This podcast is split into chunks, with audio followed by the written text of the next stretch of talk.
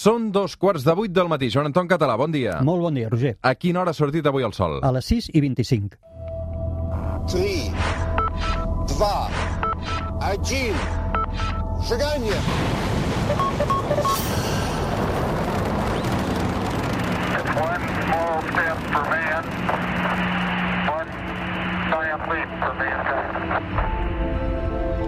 Com va la vida, Joan Anton? Molt bé, molt bé, molt content de tornar a ser aquí. Ets de platja, tu, aquests dies, o no? Anem a la platja. No sóc especialment de platja, però mira, tenim unes platges ben trobades al sud de Tarragona, cap a l'Atmella. Sí. No diré on, que són No espectaculars. digues a on, ets d'aquests, eh? Que quan tens una recepta dels macarrons perfectes no la comparteixes, no, eh? És que, a veure, a més estem, recordem-ho, eh, hem de mantenir distanciament social. Sí. Uh, en qualsevol cas, és a la zona de Tarragona, de, a prop de casa teva, eh? Sí, més al sud, eh, sí, a la zona sud de Tarragona. A la petroquímica. No, no, perdona, perdona, la petroquímica està bastant més al nord d'aquestes platges. Escolta'm, i, i què hi passa? Si veu el cel?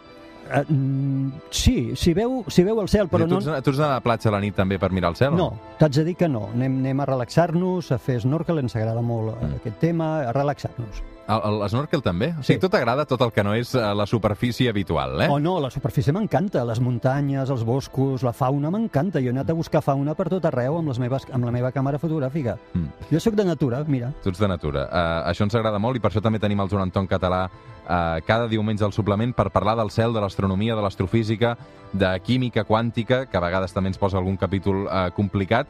Um, S'acabarà la temporada aviat, ja garantim que, evidentment, tant el suplement com el Joan Anton Català tornarà al setembre amb aquest espai fantàstic que fem que es diu La Terra és plana, però si aquest estiu teniu ganes de més, doncs sapigueu que el Joan Anton ha escrit un munt de llibres, és autor de 100 qüestions sobre l'univers, també de la novel·la juvenil Projecte Galileu i l'últim que ha publicat 100 històries de l'aventura espacial.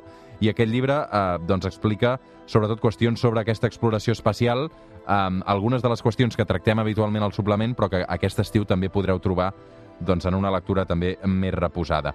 Uh, Joan Anton Català, fa uns dies vam parlar d'aquestes extincions massives. Avui uh, viatjarem una mica més enllà de l'espai per descobrir un lloc misteriós del sistema solar. Per tant, avui mirem cap al cel una altra vegada, eh? I necessito pistes, va. Va, te'n donaré algunes, tot i que t'aviso que és una mica difícil, eh? Mira, és un, un objecte una mica més gran que la nostra Lluna. A veure, els nostres oients també... Um, objecte més gran uh, que la nostra lluna. Arroba el suplement. Exacte.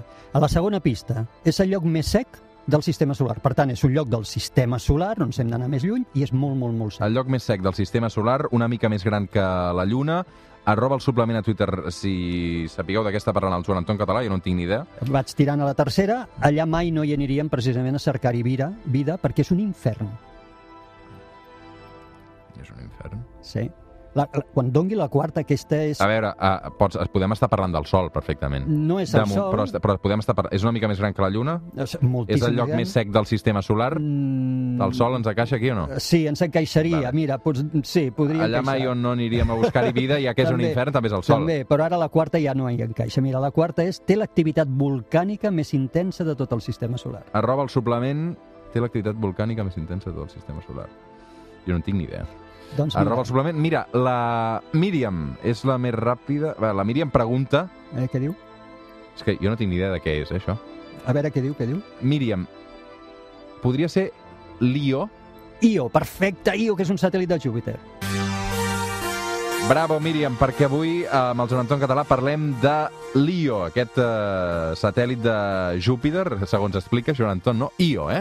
Io, Una I latina i una O. exacte. Sí, Què és Lio? Què és Io? Doncs mira, és eh, un dels quatre satèl·lits galileans de Júpiter.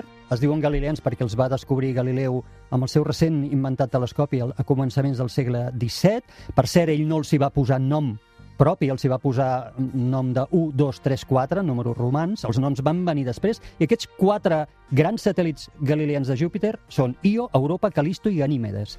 Io és un d'ells, val? Mhm. Uh, i ara veurem que és aquest lloc tan, tan, tan especial on passen coses que són absolutament espectaculars i que no passen en cap altre lloc del sistema solar. A quina distància és de Júpiter i com de ràpid orbita?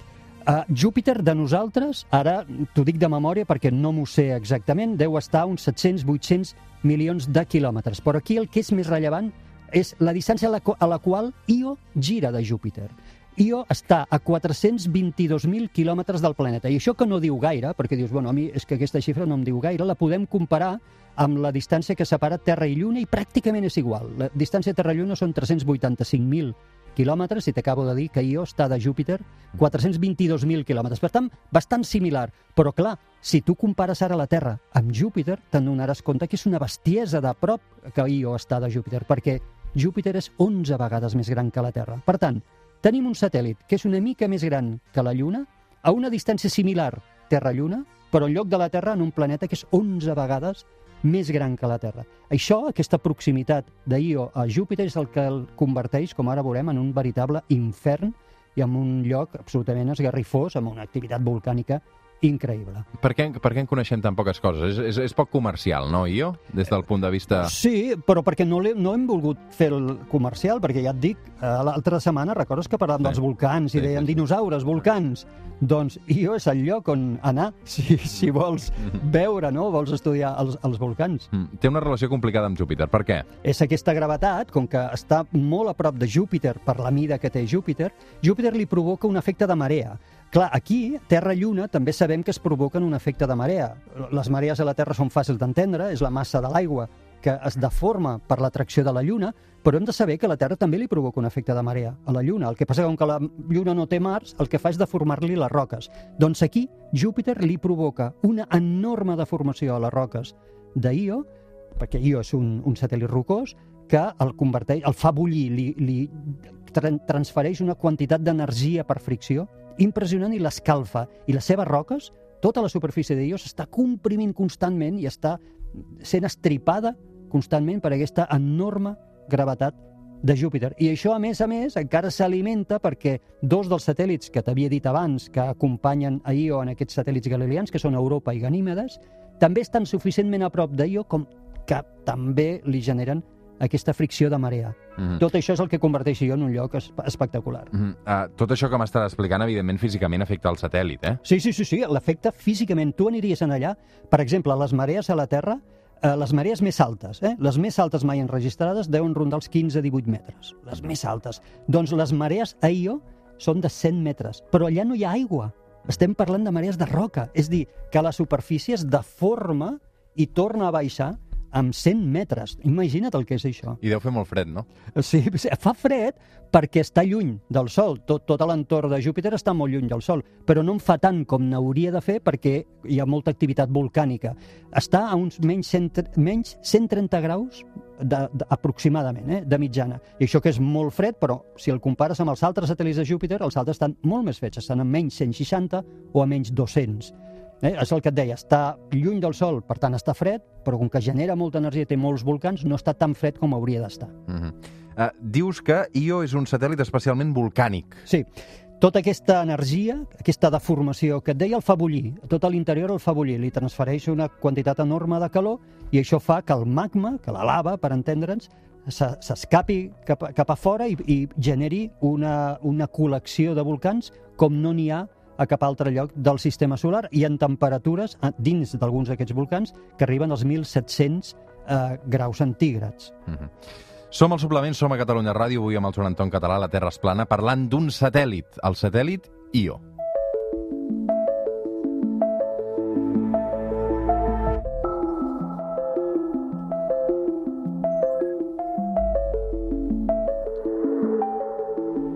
Joan Anton, com és que no veiem els cràters com sí que els veiem els de la Lluna, per exemple? Exacte, si, si tu mires una fotografia, que en tenim moltes, eh, d'Io, el, el veuràs tota la seva superfície torturada, com esquerdes i com ferides, i tot de color groc, colors d'aquests del sofre, diguem, de, i, i vermellosos, de la lava i del sofre. Però no hi ha cràters, i això és perquè la superfície d'Io es regenera en molt poc temps. És tanta l'activitat volcànica, és tanta la lava que surt, que torna a construir, a regenerar tota la seva superfície en, en molt poc temps i esborra totes les, els, les cicatrius d'impactes que Io ha rebut. Eh? És aquest eh, refer constant constant de la superfície d'Io. Mm -hmm. uh, des de la Terra podem detectar també aquestes erupcions volcàniques o no? Sí, perquè són tan poderoses que fins i tot sense anar-hi, tot i que hi hem anat, eh? després t'explico, hi hem anat amb naus, però sense anar-hi amb telescopis des de la Terra podem veure algunes d'aquestes erupcions com a punts de llum de molta escalfor a la superfície d'Io. Pensa que en, cada, en un moment determinat hi pot, haver, hi pot haver més de 100 volcans actius a la superfície d'Io. Estem parlant d'un lloc que és gran, és com la Lluna, però que tampoc és una passada eh, de lloc en quant a dimensió. Imagina't, més de 100 actius. Uh -huh. uh, quina ha estat l'erupció més gran que, que s'ha produït aquí? De les que hem detectat, perquè clar, això fa relativament pocs anys que estudiem, va ser l'any 2013 en un volcà que li hem donat el nom de Hinopatira, i és un volcà que va alliberar tanta lava en aquesta explosió, en aquesta erupció, que podria enterrar tota la illa de Manhattan sota 220 metres de material. Fixa't que la comparació l'han fet els americans, no? Sí, Sí, han sí, agafat sí. Manhattan, nosaltres l'haguéssim fet amb, amb les nostres ciutats, ells l'han fet amb Manhattan, doncs tota la illa de Manhattan soterrada sota 220 metres de lava. I des d'aquí, des de la Terra, podem detectar aquestes erupcions, eh? Sí, les més grans les podem, les podem detectar. Com són aquests volcans? Com els, els hem d'imaginar? molt diferents als de la Terra. No són muntanyes, la major part d'ells no són muntanyes altes, el que són, molts d'ells són directament esquerdes a la superfície, per on surt la lava directament, o fins i tot grans llacs de lava, és dir, forats directament pels quals puja la lava, o monticles que s'han anat acumulant, però serien de forma de morfologia bastant diferent als que tenim a la Terra. I en, en col·lecció, col·lectivament, s'anomenen pateres, patira, eh, que és el nom aquest global que se li dona a aquest tipus de volcà. Són grans o no? N'hi ha de molt grans i de molt petits, però fixa't, els més petits que tenim identificats, que segurament n'hi ha de més petits, però aquests són els que hem pogut veure, els més petits tenen 100 metres de mida i emeten tanta energia, els més petits, tanta energia que equivalen a les grans erupcions que ha tingut la Terra. Per exemple, fa pocs anys, el 2014-2015, que hi va haver aquell volcà de nom impronunciable a Islàndia, Mm. doncs tota l'energia que va emetre aquell volcà seria... Van estar uns quants mesos, o unes quantes setmanes sense poder volar avions, Oh, eh? i tant, i tant. Doncs tota l'energia que va emetre aquell volcà l'emet un petitó volcà de 100 metres, els més petits que té Io en una de les seves erupcions. Mhm. Hi ha algun volcà més important que d'altres, sí, eh? Dius? Sí, sí, sí, sí, n'hem vist aquest que et deia abans, i el més gran que tenim localitzat és un que es diu Loki Patira, que té 180 quilòmetres de diàmetre, Mhm. i ell sol representa el 10% de tota l'energia de calor que emet Io. Escolta'm, té atmosfera, i o no? En principi no n'hauria de tenir, perquè és massa petit, igual que la nostra Lluna, és massa petit per tenir atmosfera. Però què passa? Com que té tant, tant volcanisme, s'alliberen molts gasos de sofre, bàsicament diòxid de sofre. I aquest di diòxid de, de sofre surt en forma de gas, es congela immediatament, cau a la superfície, dona aquests colors groguencs i vermellosos de la superfície d'Io, però segons com li toca la llum del Sol, part d'aquest diòxid de, sobre, de sofre se'n va a l'atmosfera. Per tant, té una feblíssima atmosfera de diòxid de sofre, que, per cert, és un element absolutament tòxic per nosaltres. Uh, dius que també crea enormes llamps, no? Sí, els crea a Júpiter. És a dir, Júpiter té un gran camp magnètic, molt més gran que la Terra, i el que fa Io amb les seves erupcions ejecta tant de material a l'atmosfera i està tan a prop de Júpiter que part d'aquest material se'n va directament cap a les capes altes de l'atmosfera de Júpiter.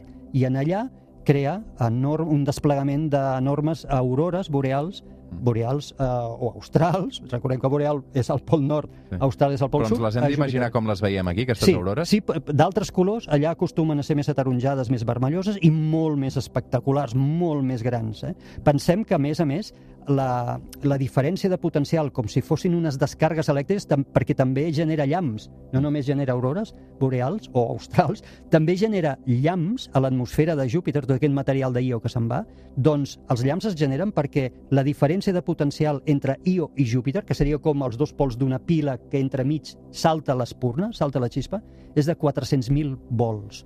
Vull dir que tot, tot plegat és un entorn absolutament espectacular. Mm -hmm. Escolta'm, Joan Anton, tu n'has vist d'aurores, no? Sí, a Islàndia. Són molt, molt xules. Quan les veus ballar és fascinant. Però vull dir que no, no és allò que vas a les dues de la tarda i a les dues surten. És a dir, surten quan li dóna la gana. Has Surten- de tenir paciència, no? molta paciència. Es, òbviament, a Islàndia hi plou molt, per tant ha de ser una nit que no estigui núvol, perquè si no no les veus. Lògicament ha de ser de nit, perquè de dia també n'hi ha. La gent pensa que només es produeixen de, de nit. No, es produeixen de dia, el que passa no les veus, perquè hi ha la llum del sol. I has de tenir molta paciència. Ells tenen, els islandesos, per això, un sistema de predicció d'aurores molt fiable. Molt, molt, molt. I nosaltres el vam seguir. Et diuen en quines zones d'Islàndia hi ha més probabilitat aquella nit de que n'hi hagi i fins i tot estimen la intensitat que pot tenir aquella aurora. Nosaltres les vam, vam utilitzar aquest sistema de ens va anar molt bé per poder-les veure. Avui amb el Joan Anton Català explorant Io, aquest satèl·lit més gran de, de Júpiter. Com és que en sabem tantes, tantes coses de, de Io? Primera perquè, com et deia, es pot veure des de la Terra, podem veure les erupcions més grans, les podem veure des dels telescopis de la Terra, però després també perquè hi han passat naus. La primera va ser la famosa Voyager 1, que l'any 1979 va arribar a, als voltants de Júpiter, va passar de llarg, eh, perquè el seu objectiu no era quedar-s'hi, i al passar va, va enviar les primeres imatges modernes d'Io i és quan vam descobrir Io. Però la gran sonda de la NASA que ens va, que va estar allà explorant durant molt de temps tot l'entorn de Júpiter va ser la sonda Galileu, del 95, del 1995 al 2003, i quasi, quasi tot el que sabem de, de Io ho sabem gràcies a aquesta eh, sonda que ens va enviar imatges de les erupcions, imatges que tothom pot trobar a internet on es veuen aquestes erupcions a contrallum, eh, són fantàstiques, fantàstiques. I en aquest moment hi tenim una sonda també de la NASA orbitant Júpiter, que n'hem parlat alguna vegada, que és la sonda Juno, i n'havíem parlat perquè va tripulada per tres figuretes de Lego, que la NASA va encarregar a Lego una mica per inspirar la gent jove amb l'exploració de l'espai. Um, escolta'm, continua sent un lloc misteriós, no? Sí, no ho sabem tot ni molt menys. Tenim molts dubtes sobre com funciona geològicament Io, perquè és un món molt extrem. Per exemple, eh, hem estimat en quin lloc de la superfície haurien d'aparèixer els grans volcans d'Io. Això ho podem estimar perquè tenim Júpiter, tenim Io, podem calcular l'atracció gravitatòria i a on es deforma Io i no ens quadra. És a dir, el lloc de les prediccions on diu que haurien d'aparèixer els grans volcans no quadra amb els llocs de la superfície on apareixen els grans eh, volcans de, de Io. Eh, és com si estessin desplaçats i això ens ha provocat diferents eh, hipòtesis de com ha de ser l'interior de Io, però necessitem eh, respostes. Després tampoc sabem per què Io passa períodes en què hi ha grans erupcions molt potents i després moments en què les erupcions són bastant més petites o calmades. No sabem què és el que fa, el que provoca aquests cicles. No els entenem, tampoc no els entenem per l'efecte gravitatori de Júpiter. Com veus, moltes incògnites. Hi ha la intenció d'explorar-lo més en el futur, de posar calés també per, per, perquè això s'investigui o no? Sí, és un dels llocs que els científics, molts científics, estan fent pressió perquè s'hi dediqui diners per la investigació. Hi ha propostes sobre la taula de disseny, encara no, però hi ha propostes d'alguns científics de com s'hauria de fer aquesta exploració, però encara trigarem. Perquè amb els, pocs, amb els pocs calarons que tenim per explorar, la nostra aposta en aquest moment és la cerca de vida, no l'estudi dels volcans d'Io. I, per tant, primarem anar a Europa, un altre dels satèl·lits de Júpiter, o a Tità, satèl·lit de Saturn, per cercar vida, igual que estem fent a Mart. Quins són els satèl·lits més importants de, de tots, més enllà de, dels de Júpiter o els de... És a dir, els més coneguts? Els més coneguts, mira, t'acabo de dir segurament els dos més coneguts. Tità és el satèl·lit més gran de Saturn, eh, té un cicle complet de mm, llacs, evaporació, boira, núvols i pluja, però no d'aigua, de gas metà, que allà forma com si fos l'aigua, però és molt ric en aigua gelada i podria tenir un mar subterrani.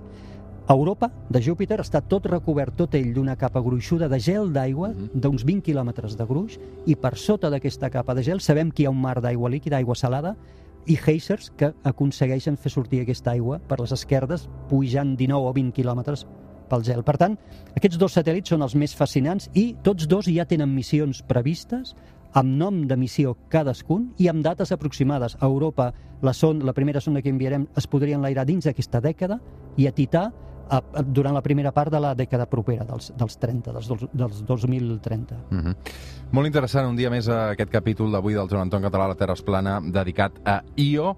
Joan Anton, què hi passarà aquesta setmana uh, si aixequem el cap i alcem la vista cap al cel? Doncs hi veurem la lluna plena, que la, se situa visualment entre Júpiter, brillantíssim, i Saturn. Hem, hem vingut parlant dels dos planetes, ara els tenim ja a partir de la mitjanit, ja, han- ja han sortit perfectament per sobre de l'horitzó, doncs la lluna plena se situa entre ells dos. I a final d'aquesta setmana la lluna s'haurà mogut, ja serà minvant i s'haurà mogut i s'aproparà visualment a Mart. És una bona ocasió per reconèixer el puntet de color taronja que és Mart. A Mhm. final de setmana la lluna s'hi posarà al seu costadet. Mm -hmm. Mart, eh? Mart. Algun dia... Algun dia el trepitjarem. Digues, digues. Sí, pensava que, dir, que em anaves a dir algun dia hi aniràs. Sí, algun no, dia... jo no. Jo, tu creus que ho veuré, jo? Sí. A veure, jo espero veure-ho, eh? Sí? A tots, a veure, espero veure l'home, clar... la- L'home a Mart, eh? L'home a Mart, O la dona, eh? do, sí, 2035-2036. Aquesta és la data més o menys prevista. Recordem que Elon Musk ha promès que ell ho vol fer abans que les agències espacials, eh, que les Home, administracions... això serà gros, eh? Sí, i ell ho vol fer a final de aquesta dècada dels 20. Primer, però enviant colons, i per tant, en bitllet d'anada només. Mm -hmm. I ja hi ha molts voluntaris al món. Eh? Per tant, ell vol enviar unes naus no tripulades que deixaran material de construcció i, posteriorment, a final de la dècada, els primers colons que es trobaran allà el material hauran de construir la seva base i no tornaran. Aquest és el seu pla. Ja veurem si el va canviant. I això és anys. legal? No, no, no, estic, no, no tinc el coneixement per contestar-t'ho. Sí, entenc que sí. El... Si hi ha voluntat pròpia, sí, no? Sí, sí, el que crec que protegeix les Nacions Unides, a l'acord que hi ha, són els recursos de l'espai estan protegits per l'ús comú. Eh? Mhm. Això el Trump és el que s'ho vol Ventila? ventilar totalment amb la Lluna, perquè ell ha dit que vol explotar els recursos minerals i d'aigua de la Lluna, però en principi crec que hi ha legislació que no... Eh, dubto de que sigui molt específica, perquè si fos molt específica el Trump no, no faria el que fa, deu ser així com molt laxa i molt genèrica, i s'haurà d'anar mm, vigilant aquestes legislacions. I quan dura el viatge cap a Itaca?